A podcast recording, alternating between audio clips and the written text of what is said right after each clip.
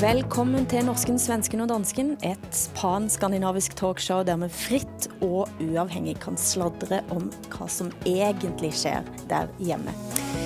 Som sist har jeg med mig også Hassan Preisler i København. Hej Hassan, hører du mig? Ja, det gør jeg. Hej, hej. Hej og hej Åsa Linderborg i Stockholm. Hej. Fra Bergen, Hilde Sandvik altså. De gamle skandinaviske hovedstedene her altså. Eh, I dag begynner jeg som sist med å rett og slett høre litt om eh, hvad dere har gjort den siste uken. Og Hassan, hvordan har uken vært? Jamen, det har sådan set været en meget fortvivlende uge. Øh, jeg har fået, jeg ved ikke om I har det samme, men i Danmark har vi noget, der hedder e-boks. Det er der, vi modtager breve fra staten. Ah, så det er en digital postkasse, Ja. som øh, er øh, kommunikationsmidlet mellem dig som borger og din stat. Øhm, og det betyder jo, at hver gang det siger pling fra e-boks, så begynder ens hjerte at banke hårdt. øhm, jeg har fået min forskudsopgørelse fra skat. Forskudsopgørelsen, det er beskrivelsen af, hvad jeg skal betale i skat i år 2020, altså til næste år. Mm. Og det er jo øh, noget, der sker for mig hver eneste år. Men samtidig med, at jeg modtager den her forskudsopgørelse i år, så læser jeg i avisen, at den danske skattestyrelse endnu en gang er blevet afdækket i at have mistet en halv milliard kroner i denne måned. Og det, det giver jo den store indre konflikt, når man på den ene side modtager en besked om, at man skal betale sin skat, og på den anden side hver eneste måned læser om, at den danske skattestyrelse, at skat i Danmark har tabt en ny milliard kroner øh, til øh, svindlere, som forsøger at snyde staten. Altså dette er sorte penger, altså det man forventer sig, at det ligger og flyter rundt i systemet, eller hvor, hvilke penger er dette? Jamen det er altså der det er jo det er meget komplekst det her. Øh, Det det seneste er at skattestyrelsen ikke har fulgt op på hvorfor 60% af borgerne ikke har angivet gevinst og tab ved aktiesalg. Altså 60 procent, som man siger på, 60 på norsk og procent af svensk. borgerne har Ja. ikke angivet deres gevinst og tab ved aktiesalg. Og det betyder jo så, at staten har mistet en masse penge. Men det her er bare en ud af utallige sager, som har forfulgt det danske skattesystem de seneste 15-20 år, hvor skattesystemet årligt har mistet milliarder af kroner til danskere og udlændinge, som bevidst eller ubevidst i nogle tilfælde, men primært bevidst forsøger at snyde skat for penge. Mm. Altså, vi har simpelthen et kollapset skattesystem. På toppen av det har en vel også haft eh, de store skandalene rundt eh, at staten er blitt tappet for penger, blandt andet der DR har vært, altså Dan Danske Bank har vært involvert. Mm, Der man har tabt milliarder av, eh, av penger. Ja, ja, altså de store danske banker har været så elegante, at de har involveret sig i det her øh, svindelnummer, som går ud på at snyde den danske stat for penge. Øhm, det er jo, altså det er jo bare, jeg, jeg er jo, altså jeg har jo en stor, stor kærlighed til velfærdsstaten. Det er, hvad jeg er vokset op med, og det er det, jeg tror på mest af alt. Øh, men det er bare så svært at holde den kærlighed ved lige, øh, når, når oplevelserne er, som jeg lige har beskrevet, de er. Mm. Altså, at det lykkedes øh, mennesker, øh, grupper, institutioner at snyde øh, øh, vores stat for de penge, som vi har brug for, for at kunne øh, operere en, en god velfærdsstat. Nå har du faktisk eh, nesten forskuttert at eh, i dette programmet så kommer vi til å innføre den nye spalten Hva skjer med velferdsstaten i Skandinavia, som er jo den store paradegrenen her. eh, men eh, jeg tenkte vi kunne bare snakke litt om, litt om uken. For min egen del så, så jeg, eh, ble jeg litt opprørt eh, i, i, midten, slutten av forrige uke, da jeg eh, leste at eh, politidirektøren i Norge Benedikte Bjørnland faktisk eh, ville gjøre det straffbart å brenne Koranen og stoppe en eh, organisasjon i Norge på en demonstrasjon i forkant fordi at eh, de ville brenne en koran og koble det mot rasismeparagrafen. Jeg hadde forferdelig lyst til å snakke om det på radioen på, på fredagen, men det ble, det ble, tatt ut fordi det ble litt, eh, litt for følsomt. Og da tenkte jeg jo litt på, på Danmark, da. Eh, Hassan. Eh, men kan du forklare meg hvorfor er det for følsomt å tale om å mm. avbrenne Koranen. Nå kan det være at eh, temaet kom litt brått på enkelte av paneldeltakerne, men det er en del temaer i øyeblikket som kan virke som blir litt mer følsomme å snakke om. At man blir litt mer engstelig for å kanskje eh, trampe uti og si noe feil, eller mene noe feil, bli assosiert med feil stemmer. Um, dette, er jo, dette, er jo, en av de tingene som dere har diskutert masse i Danmark, og ikke minst rundt denne Rasmus Paludan, som til og med stilte til valg uh, med et eget parti, Stram kurs. Og du, Hassan, hadde jo han, i, du hadde jo han med deg i, i radioprogrammet, du, rett og slett. Hvem ja, det er rigtigt. Ja, måske skal man lige etablere, hvem Rasmus Paludan er. Uh, han, han begyndte som et YouTube-fænomen. Altså denne her mand, som øh, er, en, er en velklædt øh, øh, mand med, med øh, slips og, og skjorte og jakke. Han, han er advokat til og med. Og uddannet advokat mm. med sin egen praksis. Han stiller sig op ude i ghettoerne, og der provokerer han så muslimer til reaktion. Til en eller anden form for reaktion. Øh, og de reaktioner er jo så vokset, og hans provokationer er tiltaget, det vil sige, han provokere mere og voldsommere i dag, end han gjorde i begyndelsen.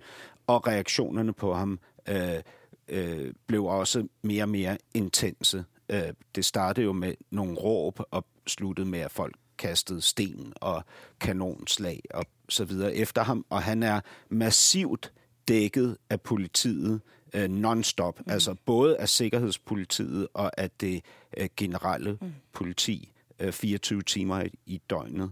Han stillede sig op til det danske folketingsvalg og blev ikke valgt ind, men var sådan set ret tæt på spærregrænsen. Mm. Men han, han driver fremdeles og, og, og brenner Koranen. Er det, er det noe som man uh, gjør i Sverige også?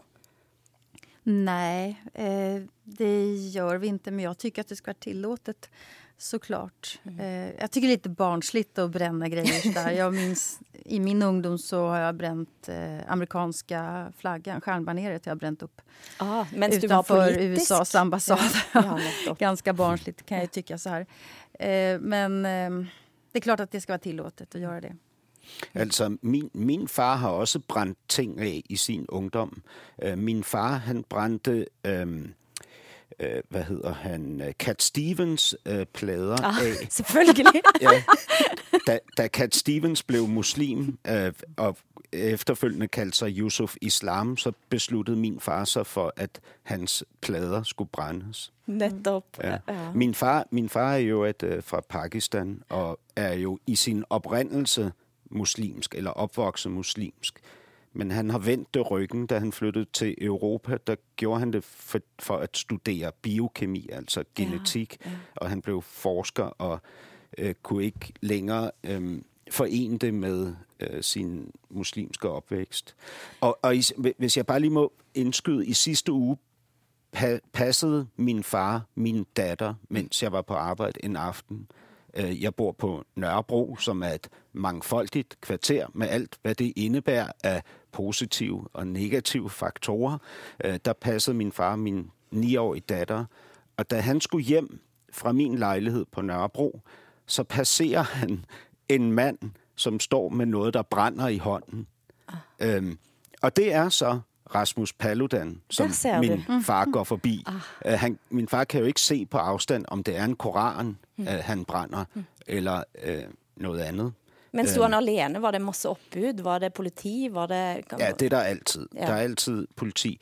Men, men det min far fortalte mig, som er nyt, øh, som jeg ikke har hørt før, det var, at der ikke var nogen reaktioner på denne her annoncerede demonstration og manifestation. Altså, der var ingen øh, mennesker, der råbte eller, øh, eller forsøgte at forhindre øh, Rasmus Paludan i at brænde det af, han brændte af på det tidspunkt. Så det, var kan, helt ja, det kan tyde på da, at faktisk hvis de bare holdt, blir, får lov til å holde på med denne brenningen, så vil det avta etter hvert. da. Ja, altså øh, i hvert fald hvis, øh, hvis afbrændingen går på at provokere og skabe reaktion. Øh, mm. hvis, hvis afbrændingen ikke skaber den reaktion, så er det klart, så stopper man med at provokere eller finder en ny måde at gøre det på. Mm. Det skjedde jo, det, akkurat det samme skjedde jo da altså på Sørlandet i eh, 2000 på Kvartfestivalen. Da svartmetallbandet The Covenant eh, ville brenne Bibelen. Dette skriver Anders Giæver om i Verdens, Verdensgang. Eh, og det ble effektivt sabotert. Og altså Black Debbath, som er et annet black metal-band som kom opp, og, og så brant rett og slett Stortingsproposisjon 82 landbruksmeldingen. Fordi at de var så misfornøyd med landbruksmeldingen, og det satte jo en fin stopper for bibelbrenningen, kan en si. Det, det, ble, det, ble ikke så, det, ble, det ble ikke så mye bråk av etterpå. Men Altså, må, jeg, må jeg indskyde noget? Øh, jamen, det, jeg, kom, jeg kom til at tænke på, I, I kender jo alle sammen øh, den her bog, der hedder Fahrenheit 451, altså Fahrenheit 451, mm. øh, som er skrevet af Ray Bradbury. Mm. Øh, det, er jo en, det er jo en bog, hvor øh, staten brænder bøger. mm, Øh, altså, staten beslutter sig for at brænde bøger. Men jeg, jeg har for nylig læst et interview med Ray Bradbury, hvor han siger, at det er faktisk en fejlfortolkning af hans bog. Fordi det er ikke en bog, der sådan set skal adressere statskontrol. Det, den adresserer, det er et samfund, som er sat sammen af så mange minoriteter, der ah. alle sammen føler sig krænket over bestemte ord og sætninger og vendinger øh, og formuleringer, at de kræver bøgerne censureret. Og til sidst er der så lidt tilbage inde i bøgerne, at ingen læser dem, mm. og derfor siger staten, jamen så kan vi jo lige så godt brænde de bøger. dette spiller jo nesten inn i noe av det du sa i et intervju med Viken-avisen eh, nå i helgen, Åsa Linderborg, der, der du snakker om ja, venstresiden og identitetspolitikken i Sverige. Eh, jag har inte läst själv den där intervjun som jag tydligen har gjort, eller gett. Men eh, eh, så jag, ja, jag vågar inte veta riktigt hur jag blivit tolkad eh, när jag har pratat. Men eh, visst, är identitetspolitiken. Eh, den, den är väldigt stark i Sverige och, och den har splittrat upp vänstersidan eh, på ett sätt så att det råder inbördeskrig nästan inom vänstern om, om den frågan. Hva var det du sa til Viken-avisen da? Du husker kanskje du har sagt? Nej, men vi pratade en timme, jag minns inte riktigt vad, vad jag sa. Men eh, det är klart att Sverige är ett intressant land Ja, att det titta är- på det är nu. det. Det är, det är ju politisk kaos här. Och, Men du har den siste uken, i tillegg til å gi intervju til Viken-avisen, så har du vært i rettssalen. Eh, Hvorfor har du vært der?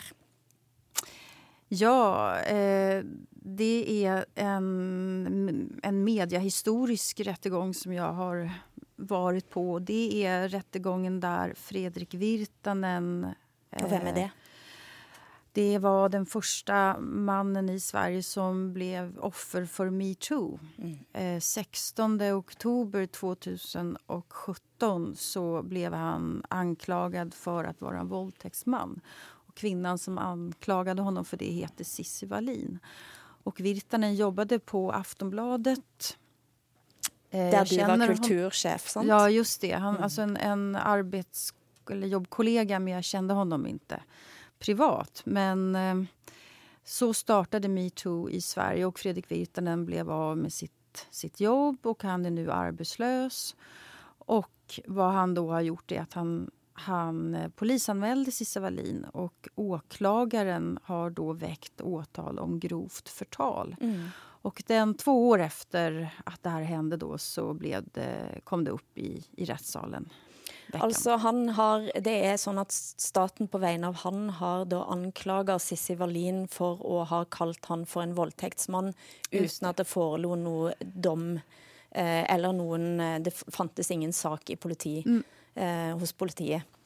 Mm. Nej, precis. Alltså den här våldtäkten ska ha skett 2006 och eh, eh, fem år senare så polisanmälde Cissi Wallin Fredrik Virtanen och eh, polisen startade en förundersökning och de la ner i brist på bevis. Mm. Och eftersom vi lever då i en rättsstat så, ehm, så måste han ju betraktas då som oskyldig. Mm. För så, så ser ju liksom rättssamhället ut.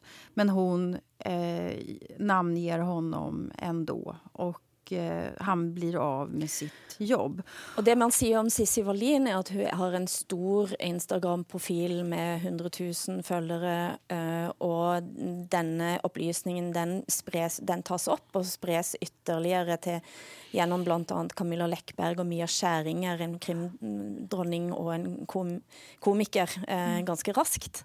Och, ja. det, och, och så kommer hela den svenska medievärlden efter. Ja, alltså i Sverige så är vi väldigt eh, trendkänsliga. Så att när de här Instagram-feministerna med flera hundratusen följare på sociala medier när de kallar honom för våldtäktsman så då reagerar de traditionella medierna. För att det här är ju spännande såklart. Mm. Eh, och så publicerar de hans namn och bild. Och det är ju en, en personlig tragedi som, som vi har fått bevittna här. Och han sitter då, Fredrik Virtanen sitter i den här rättssalen och berättar hur hans barn inte blir bjudna på barnkalas och hur han och hans hustru försöker hitta förklaringar för de här barnen varför de inte ska få gå på samma kalas som de andra. Och Det är en hel familj som har drabbats av det här. Och men det är, det har du en förståelse ja. för när du sitter och hör på och Cissi Wallin och, mm. och de vittnemålen kommer? Du som också feminist och, och som har varit tydlig som feminist det vet jag inte om jag är riktigt. Du, du har, jag brukar inte kalla mig feminist. Du har slutat vara det. Du var det förr i vart fall. Nej, jag har faktiskt aldrig riktigt kallat mig för det. Jag brukar säga att jag är för jämställdhet. Ja. Men det spelar ingen roll. Jag, jag är för att män och kvinnor ska mm. behandlas mm. lika. Ja. Mm. Mm. Men, men vilka intryck får du när du sitter där i rättssalen och hör de bägge två? Det är en dödsdans som man bevittnar där. Mm. De två kommer för alltid att vara sammanklistrade med varandra på mm. grund av på grund av det här.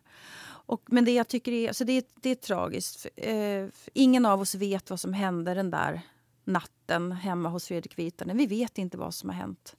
Eh, men vad jag vet är att vi lever i en rättsstat och då, då kan man inte bara starta privata lynchjustiser och egna skampålar utan man får tänka att det här är en demokrati och så här fungerar det. Och då kan man inte bara publicera ett namn. Men vad jag tycker var så intressant det var att Cissi Wallins advokat och försvarare han argumenterade bara ideologiskt. Han säger att ja, Cissi Wallin har gjort sig skyldig till ett förtal. Mm. Men det var nödvändigt att nämna namn under metoo-rörelsen för annars hade metoo aldrig fått den kraften som, den, mm. som metoo har fått. Och det är någonting bra. Och vi ska inte stoppa den här metoo-revolutionen. Och det betyder ju i så fall att metoo står över lagen. Om man bara gör någonting i metoos namn så, så får man ställa sig över den svenska lagen om man hårdrar hans resonemang. För vi går vidare och diskuterar det så kan vi höra faktiskt ett, eh, ett litet intervju med Cissi Wallin i Aftonbladet. I pläderingen här så pratar eh, åklagarsidan om att eh, det inte har försvunnit, eller befunnit sig någon, någon, någon anledning att varna om Fredrik Virtanen var de mycket inne på, som eh, de säger att du har hävdat. Vad säger du om den argumentationen? Alltså det blir märkligt när man pratar om att det skulle vara ett skäl att jag har sagt si eller jag har sagt så. Jag har sagt många olika saker om det här och det primära har ju alltid varit att berätta min historia och bryta tystnadskulturen. Eh, sen att jag har haft andra tankar om, om vad metoo handlar om och mitt inlägg handlar om bevisar inte att jag har liksom ett, ett, en underliggande agenda som jag döljer, för det har jag verkligen inte. Hans advokat hävdar istället att din, ditt motiv skulle vara att skada honom, rent ut sagt. Vad, vad säger du om det? Jag tror att hans agerande genom åren, som inte bara jag vittnar om, alldeles på egen hand har skadat honom. Eh, Hassan Preisler, du forrige uke når vi snakka sammen, så sa du at din største angst var at det skulle plutselig dukke opp en sak. Mm. eh, fordi du visste og du vet at det har vært historier eller ting som har skjedd, og som ikke skulle ha skjedd, osv. Eh, er, er, det dette, er, er den rettssaken her ditt verste mareritt? Jamen, det er, jo, det er jo sådan set ikke... Jo, altså selvfølgelig ville det være frygteligt, hvis jeg endte i en retssag. Det har jeg jo absolut ikke lyst til. Jeg har også familie, jeg har også barn. Øhm, men det, der skræmmer mig endnu mere, det er denne her offentlige gabestok. Altså det her med, at der i dag kan foreligge en straf altså en social straf, som er så altså ubeskrivelig stor og helt uden for proportion. Altså det her kommer jo til at koste for altid på et helt andet niveau end det, vi har defineret gennem vores lovgivning. Altså når man først bliver afdækket og trukket gennem det offentlige søle, mm. så er det på et andet niveau. Og jeg, jeg, er jo, jeg er jo selvfølgelig bange for, at jeg i fortiden under andre traditioner eller omstændigheder end dem, der er gældende i dag, har overskrevet mine beføjelser som regissør på teatret, mm. instruktør eller som teaterleder. Mm. Men jeg er, jo, jeg er jo lige så bange for hævnanklager, altså falske anklager, som, kommer, som kan komme fra de, nogle af de mennesker, som jeg har øh, lagt mig ud med i tiden, altså som jeg øh, har et øh, måske et politisk fjendskab med, øh, og så videre. Fordi det er jo næsten en trend, eh, exposed trenden, og i Norge så gik det så langt eh, mot en, eh, der en eh, ung YouTuber blev anklaget for å, eh, for å være eh, pedofil mm. i eh, i, på en annen YouTube-kanal. Eh, det, ble altså det ble en sak. Eh, og den 19-åringen som hadde lagt dette ut, han fikk sin straff. Eh, og der, der sa bl.a. Eh, advokaten at du kan fortelle i god tro hva som har skjedd. Altså for eksempel hvis jeg blir utsatt for et overgrep, så kan jeg fortelle det til mine venner. Og det finnes det saker på, og, kan, og den kretsen kan være ganske stor. Men det spørsmålet er hva som skjer da. Altså når en, når en eh, kommer med rykter eller med sladder eller med til, altså direkte løgner eh, ut i større kanaler. Som er jo en helt annen eh, sak med altså Virtan eh, og Sissi Wallin forskjell på 22 personer och 110 101 000 på Instagram. Mm.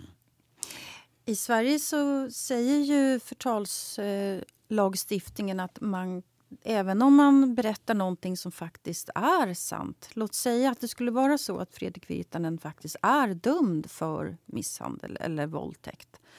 Så det är inte säkert att man har rätt att berätta det i alla fall offentligt. Därför att det kan skada den personen att det där blir offentligt. Mm. Och då är frågan, liksom, makthavare ska naturligtvis eh, eh, tåla att man berättar om vilka de är och vad de har blivit straffade för. Men inte alla människor.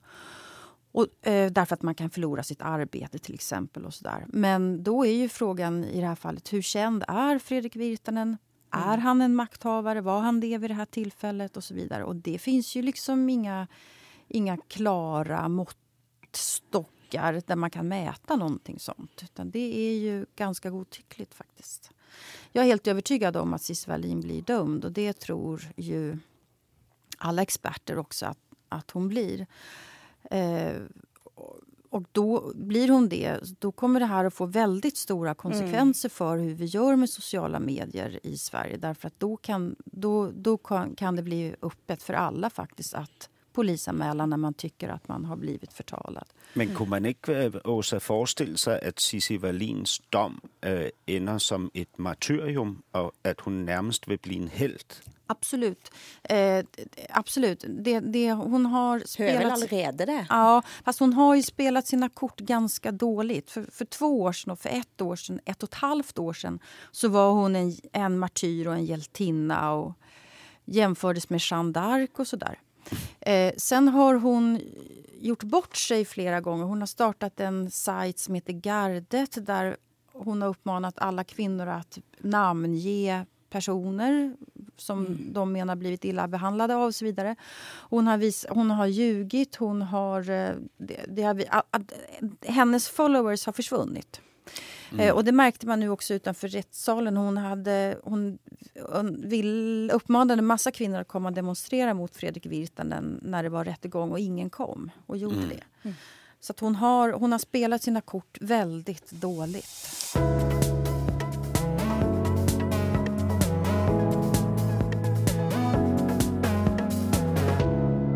Sissi Wallin er ikke den eneste som blir iallfall anklaga for å spre usannheter i sosiale medier. Det er en annen svensk eh, ung feminist, Linnea Claesson, som eh, også er ute i hardt vær. Men før, eh, før, vi både forteller hvem Linnea Claesson er og hva det er som har skjedd, så kan vi høre et lite klipp der hun snakker. Hun er tidligere Skal vi danse, Let's Dance som det heter i Sverige, deltaker. La oss høre på dette. Vad, vad, vad är det du får? Alltså hatet jag får det är ju lite olika karaktär men det kan ju vara alltså, mordhot, våldtäktshot, kidnappningshot, det är typ kukbilder bland annat. Alltså, men det här är, alltså det är ju inget nytt, alltså, alla vet ju det här. Alltså, jag vet inte riktigt ens vad jag ska säga. Jag tror att vi vet att det är så här illa det ser ut. Vi måste ju bara göra mer åt saken. Mm. Blir, blir du inte rädd? Ibland blir man skiträdd. Men eh, jag har bestämt mig för att det här är viktigare än mig mm. och det. Mm. Så att, eh, jag bestämmer mig för att inte backa helt enkelt. Her hører vi altså Linnea Claesson som eh, beskriver det hun har mm, fått av trusler. Men nå stilles det egentlig litt spørsmål ved om hun egentlig fikk disse også. Ja, det är ju både etablerade journalister men också såna unga, unga eh, poddare, man ska säga. unga människor som, som är intresserade av sociala medier och så där, som har grävt fram att, att eh, hon inte alls har fått så här många dickpics till exempel som hon påstår. Och de har hittat dickpics som hon har tagit från bögporrsajter. Och... och hur hade klart det? För det lurte jag på. Nej, det, jag vet inte. Jag vet inte. Men det här är ju ett problem Därför att hon har så väldigt, väldigt många unga kvinnor, eh, tonårsflickor som ser upp till henne. Eh, och sen så visar det sig att hon har gjort big business eh, på ett lidande som faktiskt inte eh, stämmer, som inte är sant. Och det är ganska fräckt mot, eh, mot de som faktiskt upplever hat och hot. Eh, det är väldigt många kvinnor som gör det och väldigt, väldigt många kvinnor, också män, som utsätts för sexuella trakasserier. Och sen så ljuger hon om det hon har varit med om och det ser förjävligt ut faktiskt. Och eh, men vet man att det är lögn? Alltså, är jo, det... Det, det, hon, har ju, hon har ju själv erkänt nu att, att eh, allt som hon har eh, publicerat inte riktigt har stämt. Ja. Så det, det, jag ska säga att det är, den ballongen är spräckt. Och jag tycker så synd om de här unga tjejerna som har sett upp till henne och litat på henne och så visar det sig att hon, att hon bara har ljugit. Eller inte bara ljugit, men att väldigt mycket ändå inte har varit, inte har varit sant. Och, och det här blir som backlash för alla feminister. Att, eh, att man har liksom kapitaliserat och gjort big business på, på ett förtryck som man själv inte riktigt har upplevt. och så där. Det, mm. det blir dålig smak i munnen av alltihopa. Har det, er det, Finnes det eksempler på dette i Danmark som, eh, som du husker, Hassan? Ja, dessverre. Altså, øhm, nu, nu øh, vi, vi, vi skal jo være ærlige. Det her det er jo vores pan-nordiske terapigruppe, hvor, hvor, vi kan, hvor vi kan berette om uh, vores dysfunktionelle familie, men vi er jo også nødt til at være ærlige omkring vores egen dysfunktionalitet. Mm.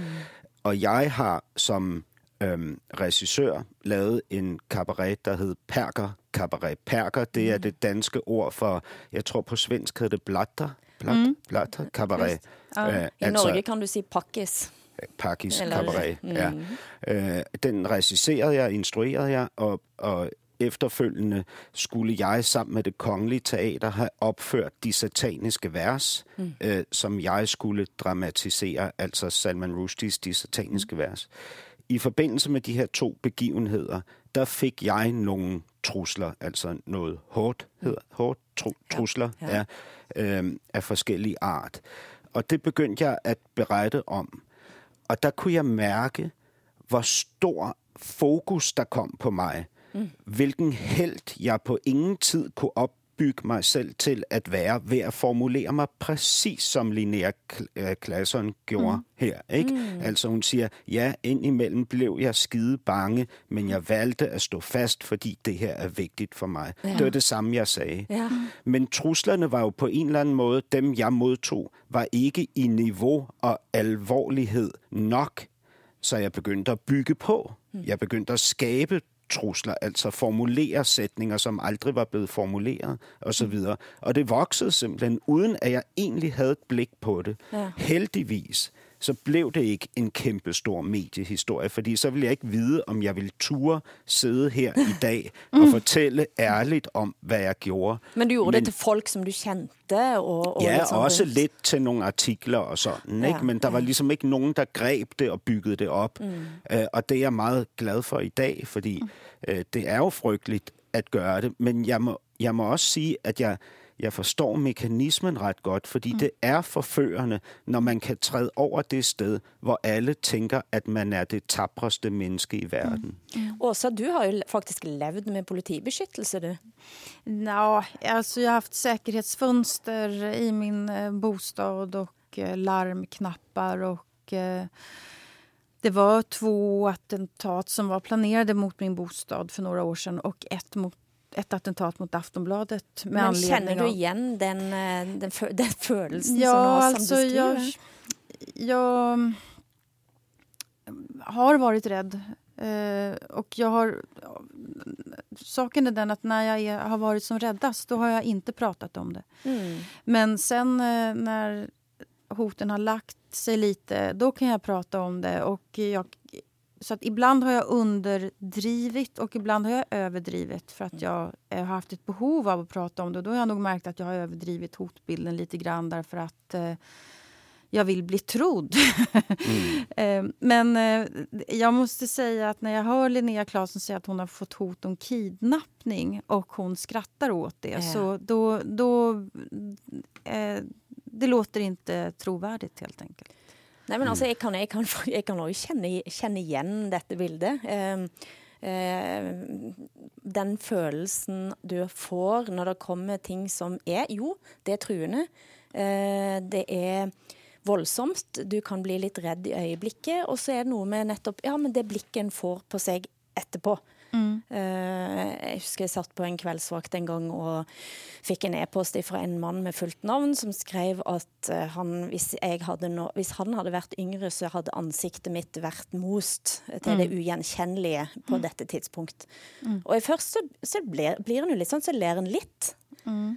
Og så kommer den der 'oi, shit'. Han, kanskje han mener dette. sant? Eh, men samtidig så er det òg noe sånn Ja, men så stilig jeg er, da. Jeg blir liksom litt stiligere i offentligheten når jeg kan fortelle om det. Mm. Absolut. Och, och eh, jag märkte det. Jag, jag, var ju den första i Sverige som skrev om hat och hot eh, som jag drabbades av. Och jag skrev därför att jag ville skapa en varningstriangel. Eh, därför att de var på min son. Mm. Så att, eh, då, då ska, det, här är ett, det här är ett samhällsproblem. Eh, rör inte min familj. Ungefär så. Mm. Eh, men jag märkte också att när jag skrev den här texten om hur många män som ville våldta mig och knulla mig analt och vad det var de ville göra så märkte jag också, märkte jag också att jag, jag skrev fram en bild av mig som ett sexobjekt. Mm. Som den, den sexiga bolsjeviken, ungefär. Och, och eh, jag, jag, kände inte det då, men så här några år efteråt så förstår jag ju att det egentligen var det jag gjorde. Titta vad åtråvärd jag är, att man till och med vill knulla ihjäl mig. Ja. Ja. ja. Så, äh, men det är dubbelt det här, men samtidigt så är hat och hot mot, mot kvinnor, mot journalister, mot offentliga människor, politiker och så vidare, det är ju ett problem. Det är många som är rädda på riktigt. Och jag har en journalist, som en kollega, som har blivit utsatt för ett riktigt attentat. Mm.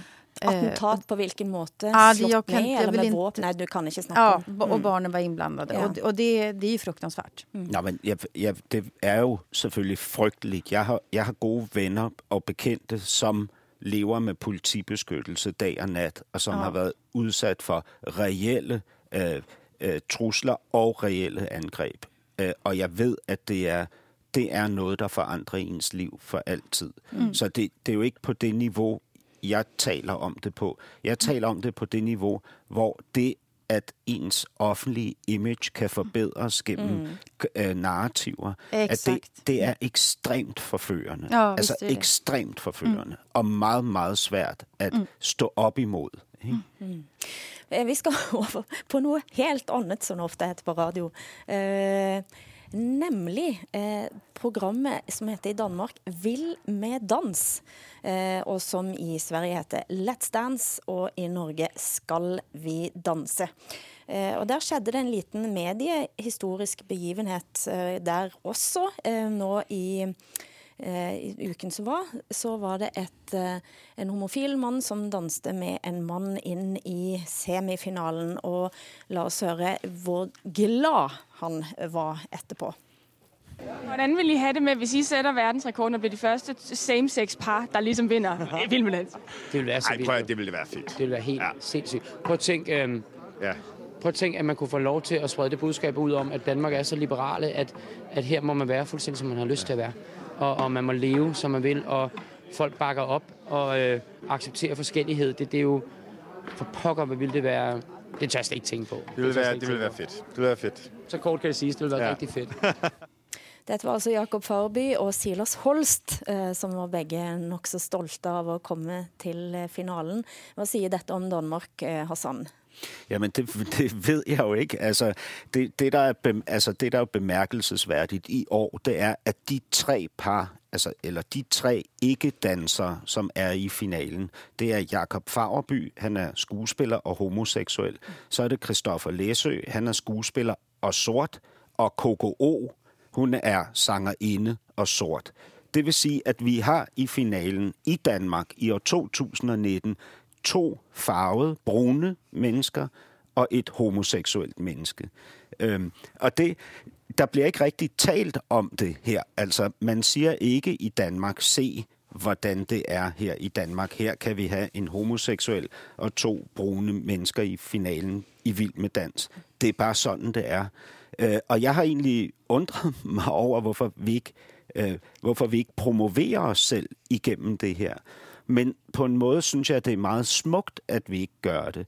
Øh, og derfor kan det også ærge mig lidt, at vi taler om det øh, ud fra denne her vinkel nu her i dag. Fordi det burde jo bare være sådan, at mennesker kommer i finalen i Vild med Dans, fordi de er gode til at danse, eller fordi de er hammerne, charmerende mennesker, som man har lyst til, skal øh, have succes i livet. Ikke? Men det er jo seernes stemmer, der har fået de her mennesker til at stå i finalen i Vild med Dans nu i dag. I Danmark, det lille racistiske øh, Danmark, det lille øh, nationalkonservative Danmark, der ser det faktisk sådan ud. Eller er det veldig pragmatiske Danmark, som noen også vil si, eh, som bare lar ting skje? Det jeg har, hvem er det som kom til finalen i Sverige? En skulle tenke at dette var omtrent en svensk semifinale. Ja, jag tycker det låter som ett väldigt svenskt eh, scenario. Eh, vi Ja, hade men- ju men en så vi- homosexuell man som vann, Anton Hysén, som dessutom var fotbollsspelare. Den första fotbollsspelaren i Sverige som kom ut som homosexuell. Det Men var dansade egentligen en större man? sak. Dansa- Dansade han med en man? Nej, han dansar faktiskt med en kvinna. Det, det är ju sant. Det, där är ni djärvare i Danmark faktiskt. Ja, well Men- done. Og han var der ikke på en kvote? Nej, nej. nej. Nej. Det, for det, det skulle en egentlig ha trodd. Nei, for Mor- Morten Hegseth, som er jo kanskje den fremste homolobbyisten i norsk populærkultur, han var med i Skal vi danse i Norge eh, og kom ganske langt, men danste kun med kvinner. Men han sprang gledesstrålende til sine menn og kyssa dem når han kom videre, men det var liksom det, var det glimtet en fikk. Ja, altså udover den homoseksuelle i Danmark, så er det jo også to mennesker med afrikansk amerikansk baggrund. Ikke? Altså, som, det, bliver jo, det bliver jo enten en bøse eller en sort, der vinder.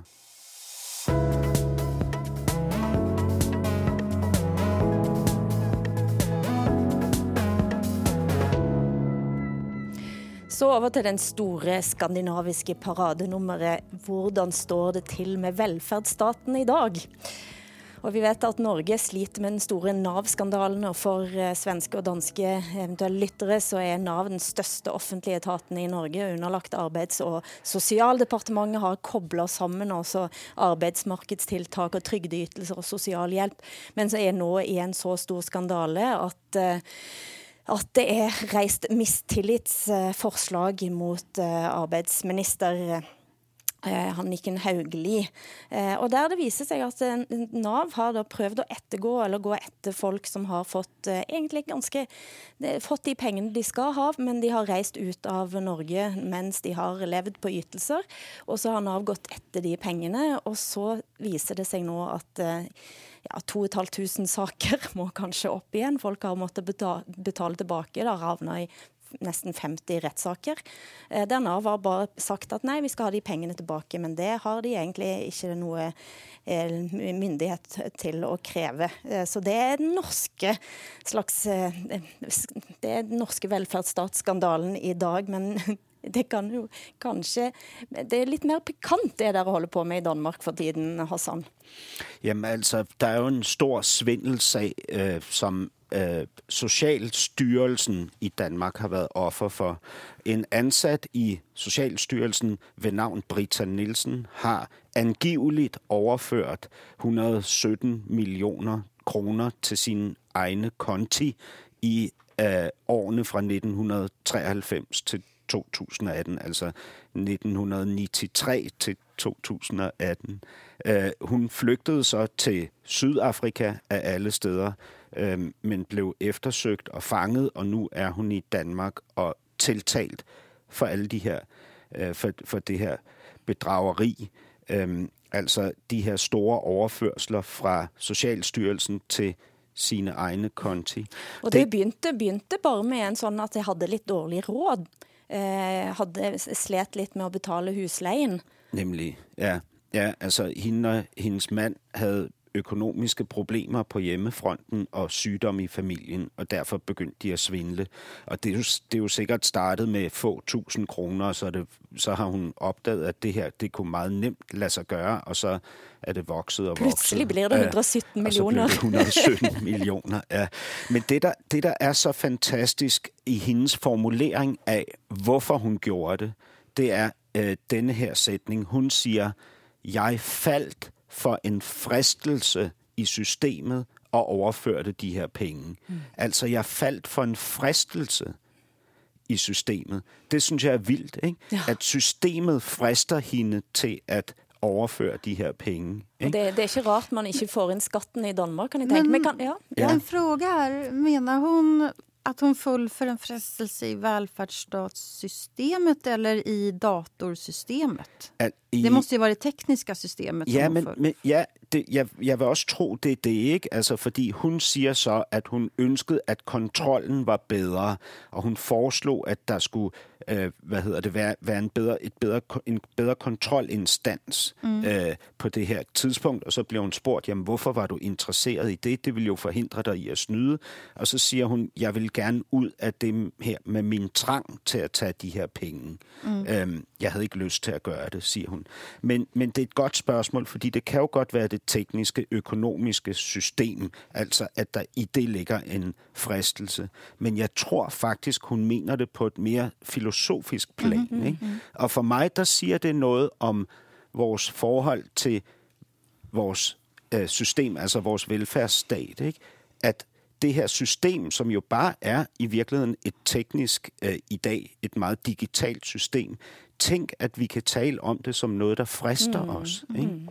Det, men det kan en jo tenke. Jeg så den eh, dokumentaren som DR viste, og kanskje òg SR, men NRK har i fall vist, eh, om den danske bank eh, og om den store svindelsaken der. Og der var det jo nettopp altså de samme de finansmennene som, mm. eh, som ble fristet av dette, snakker på den samme måten. Mm. De mm. ser ut vinduet, og så ser de små maur på bakken, og så tenker de hm, altså det er ikke det, det, det er systemet. Det er systemet vi, vi fucker med her. Det er ikke mennesker.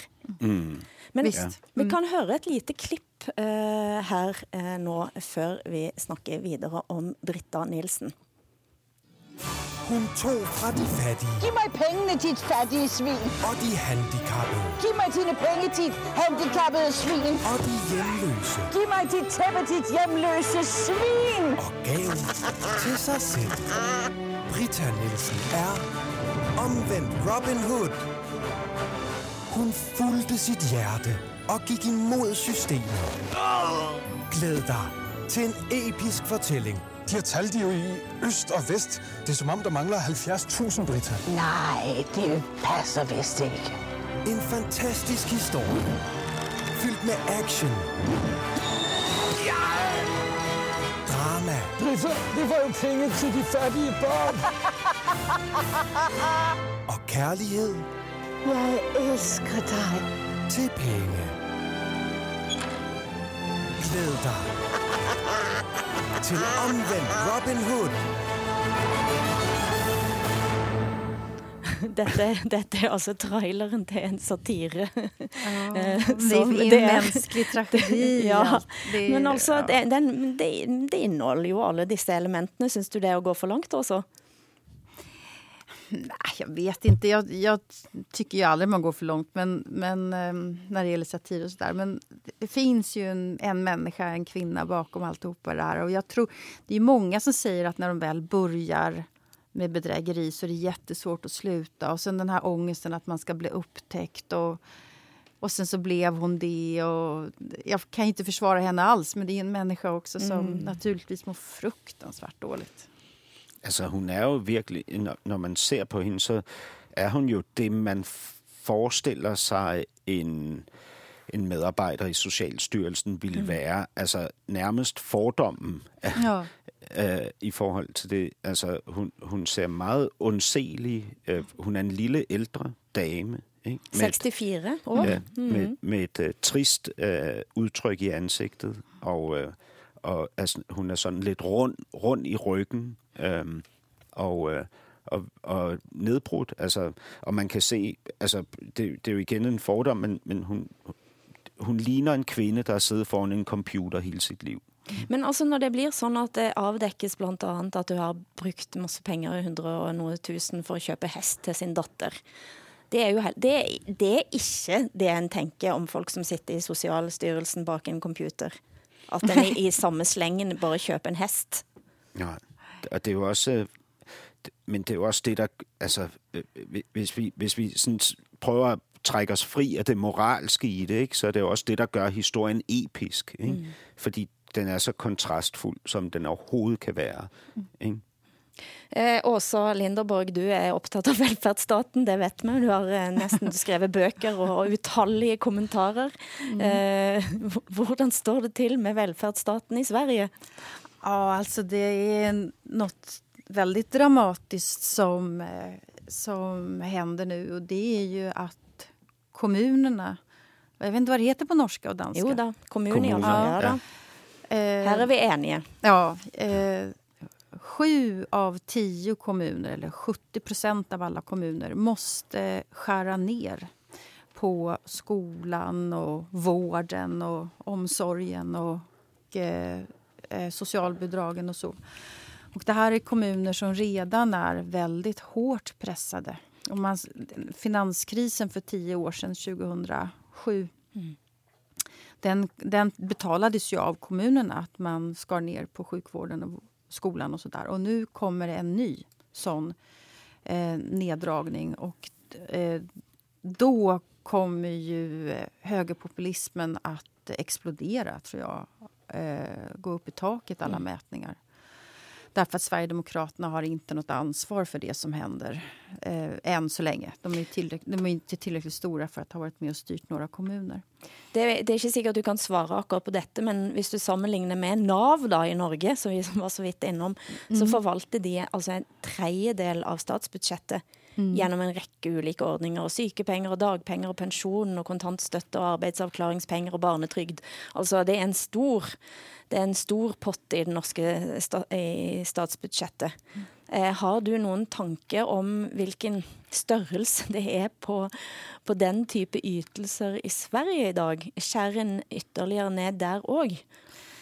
Eh, ja, det, det kommer man ju att, att göra. Och, men det, blir- alltså det blir väldigt... Eh, alltså de flesta kommuner ser redan nu att det är de som redan är svagast som måste betala. Det är där man, man skär ner redan på de som har det allra sämst.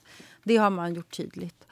Eh, handikappade eller rör, vad heter det, rörelsehindrade och, och sådär. Man kommer att dra ner på assistansen för dem. Eh, och för de som behöver socialbidrag och sådär kommer man att skära ner på. Och sen barn som ju är svaga i sig själva. Kraftiga Vad, ner... vad kuttes där? Att på skolan kommer man att skära ner på personal och på läromedel. Och vissa skolor nu i Skåne så vill de dra in på...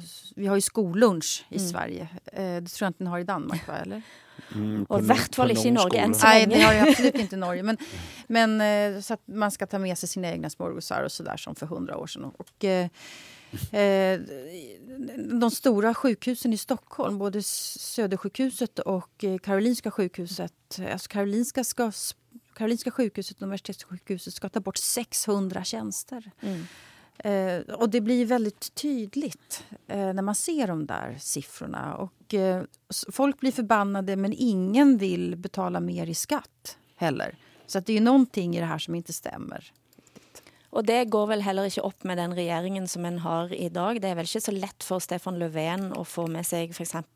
Centern eh, på mer, eh, mer skatt. Nej, det går inte. Han, han samarbetar ju med två partier som har en nyliberal ekonomisk eh, idé. Så att eh, mer, mer skatt som ju faktiskt behövs, det, det finns inte på dagordningen. Och då, då kommer ju Sverigedemokraterna framstå som, som något attraktivt eh, därför att deras lösning är, ja vad det nu är. Eh, Mm. eh, vad deras lösning är just nu det vet jag faktiskt inte riktigt ärligt talat eftersom vi har ett flyktingmottagande som är väldigt stramt redan. Men, Mm. Men det er jo, og dere har heller ikke noe oljefond, kan en komme her fra Bergen og legge til. Litt skamløst. Ja. ja. Eh, men, eh, mm, men ehm, Hassan, du begynte med att snacka om eh, din, din e den meldingen du fick i e-boksen din. och samtidigt som du ser att det, alltså att det försvinner pengar som skulle ha gått till dansk skatt. Ehm, ehm, Vad gör det när du också hör Åsa berätta om tillståndet i Sverige? Får du lust til å la være å betale skatt och heller putte pengene i, i madrassen? Ja, altså, ja, ja, det gør jeg jo. Selvfølgelig gør jeg det. Øh, men det, det gør jeg jo ikke, fordi jeg er jo en god borger øh, i et skandinavisk land, så jeg betaler selvfølgelig min skat, som man, som man skal og bør. Men det er da fortvivlende, Altså, vi, vi har jo haft de samme beskæringer på alle øh, offentlige områder i Danmark, som Åse beskriver, at man har haft i Sverige. Mm. Øh, min, min datter går på en privat skole, det ved jeg ikke, om I har i Norge og Jo, det Sverige. har Jo, det har mange. Okay, og det er jo øh, det er jo noget jeg har valgt øh, af flere årsager. Øh, en af årsagerne, og måske den mest markante årsag, det er, at de er langt færre børn i Mm. klasserne på privatskoler. Øh, og noget af det, vi taler meget om i Danmark, det er nummeringerne, altså hvor mange lærere er der øh, øh, per øh, klasse, hvor mange elever er der per lærer, og hvor mange børn i børnehaver og vuggestue er der per pædagog.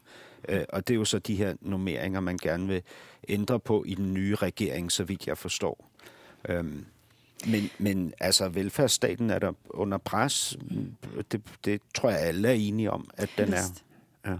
Og der er det sånn at vi begynte med å snakke om skatt, og vi kommer til å ende ut denne norsken, svensken og dansken og snakke om skatt. Det bare viser at vi fremdeles befinner oss i det hjørnet av verden med stor velferdsstat. Tusen takk til Hassan Preisler, til Åsa Linderborg. Mitt navn er Hilde Sandvik. Vi høres igjen neste uke. Det gjør vi. yeah.